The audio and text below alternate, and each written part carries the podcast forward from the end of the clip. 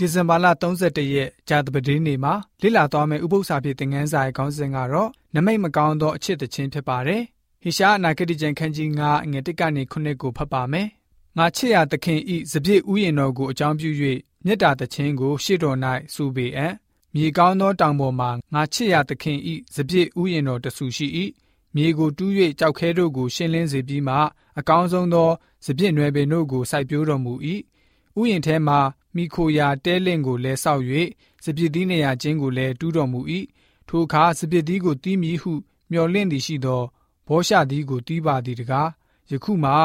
အိုယူဒပြည်သူယေရုရှလင်မြို့သားတို့ငါနှင့်ငါစပစ်ဥယျင်အမှုကိုစီရင်ကြပါလော့ငါစပစ်ဥယျင်၌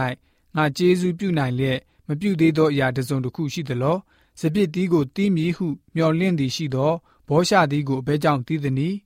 ယခုနားထောင်ကြ ငါစပြည့်ဥယျာဉ်၌ငါပြုရမည့်အမှုကိုသင်တို့အားငါဖော်ပြမည်။ဇောင်းရမ်းကိုငါပယ်ရှင်းသဖြင့်သူတစ်ပါးတို့သည်စားကြလိမ့်မည်။အုပ်ရိုးကိုငါဖြိုသဖြင့်သူတစ်ပါးတို့သည်ကြော်နှင်းကြလိမ့်မည်။ဥယျာဉ်ကိုငါရှင်းရှင်းဖြတ်စည်းမည်။အဘယ်သူမျှမပြင်ဆင်ရ။အဘယ်သူမျှမတူးမဆွရ။စူးပင်အမျိုးမျိုးပေါက်ကြလိမ့်မည်။ထိုဥယျာဉ်အပေါ်မှာလည်းမိုးမရွာစေခြင်းကငါပြည့်ညတ်မည်။ကောင်းကင်ဘိုးချေအရှင်ထထဖျား၏စပြည့်ဥယျာဉ်ကဣတိလအမျိုးသည်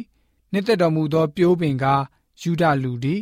တရားအစဉ်ချင်းကိုမျော်လင့်တော်မူသည်ရှိသောအသေးသက်ချင်းကို၎င်းဖြောက်မှတ်ခြင်းအရာ၌လည်းငိုကြွေးခြင်းကို၎င်းတွေ့မြင်တော်မူ၏ဆိုပြီးတော့ဖော်ပြထားပါတယ်။ဖျားသခင်ဟာဆိုလို့ရှိရင်ဥပမာရဲ့အဆုံးမှာသာအတိပ္ပယ်ကိုဖော်ပြပေးပါတယ်။ဥပမာတစ်ခုကိုအသုံးပြုတဲ့နေရာမှာလူတွေကိုမိမိတို့မှာရှိတဲ့အခြေအနေကိုကြည့်တတ်ဖို့ဖြစ်ပါတယ်။ဖျားရှင်ဟာဒါဝိမင်းကြီးကိုကုနာကနီးလန်းနဲ့ပဲထိရောက်စွာတွင်တင်တော်မူခဲ့ပါတယ်။ မေတ္တာသခြင်းလို့ခေါ်ဆိုတဲ့နေရာမှာဘုရားရှင်ဟာမိမိရဲ့လူတွေအပေါ်မှာထားရှိတဲ့မိမိရဲ့စိတ်သဘောတော်ကိုဖော်ပြလို့ဖြစ်ပါတယ်။လူတွေနဲ့ဆက်ဆံတဲ့နေရာမှာဇရိတကိုအထူးအလေးထားပါတယ်။အဲ့ဒီဇရိတကတော့မေတ္တာပဲဖြစ်ပါတယ်။မေတ္တာရဲ့အသွားပြန်ကိုဘုရားရှင်ဟာမျှော်လင့်တော်မူပါတယ်။သို့တော့ချိုတဲ့စပြည့်ဥယျင်စားမှာခြင်တဲ့စပြည့်ရိုင်းကိုဘုရားရှင်ဟာပြန်လည်ပြီးတော့ရရှိခဲ့ပါတယ်။ဟေဘဲဝဟာရမူရင်းအဓိပ္ပာယ်အရပုတ်တိုးတဲ့အနှံ့ဆိုလို့ဆိုလိုပါတယ်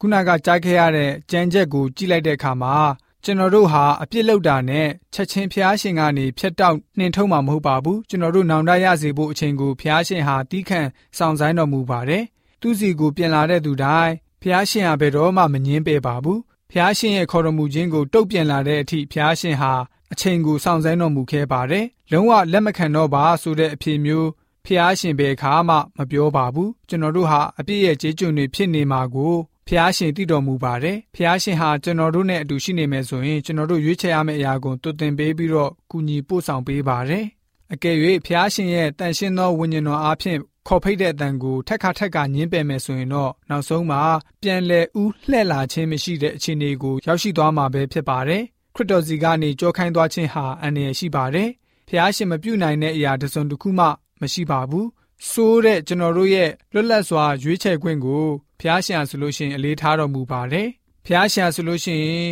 မိမိကိုယ်ကိုအပြစ်ကြွေးအတွက်တင်လူပူဇော်ခံတဲ့အခါမှာကျွန်တော်တို့ကျူးလွန်ခဲ့တဲ့အပြစ်တွေအတွက်သူ့ရဲ့ကိုယ်ခန္ဓာအသွေးအသားကိုပူဇော်ပေးအပ်လိုက်ရပါတယ်။အဲ့ဒါထက်သာ၍ကြီးတဲ့အမှုတစုံတရာပြုဖို့ကျွန်တော်တို့မှာရှိပါအောင်မလား။ဖျားရှာဆိုလို့ရှိရင်ကားတိုင်ထက်မှာကျွန်တော်တို့အတွက်ကယ်တင်ခြင်းအာမခံချက်ကို ပေးနေတဲ့အချိန်မှာကျွန်တော်တို့အနေနဲ့နောင်တရပြီးပြပြင်ပြောင်းလဲပြီးတော့ ဖျားရှင်ပဲပြန်လှည့်ပြီးတော့ဖျားရှင်ကိုသာတက်ထက်ဆုံးရွေးချယ်ပြီးတော့တစ္ဆာရှိသွားကြတဲ့ယဉ်ကျေးသူတွေဖြစ်စေဖို့အတွက်ဂျာတပဒင်းနေဥပု္ပ္ပစာပြေသင်ခန်းစာကဖော်ပြပေးထားပါတယ်။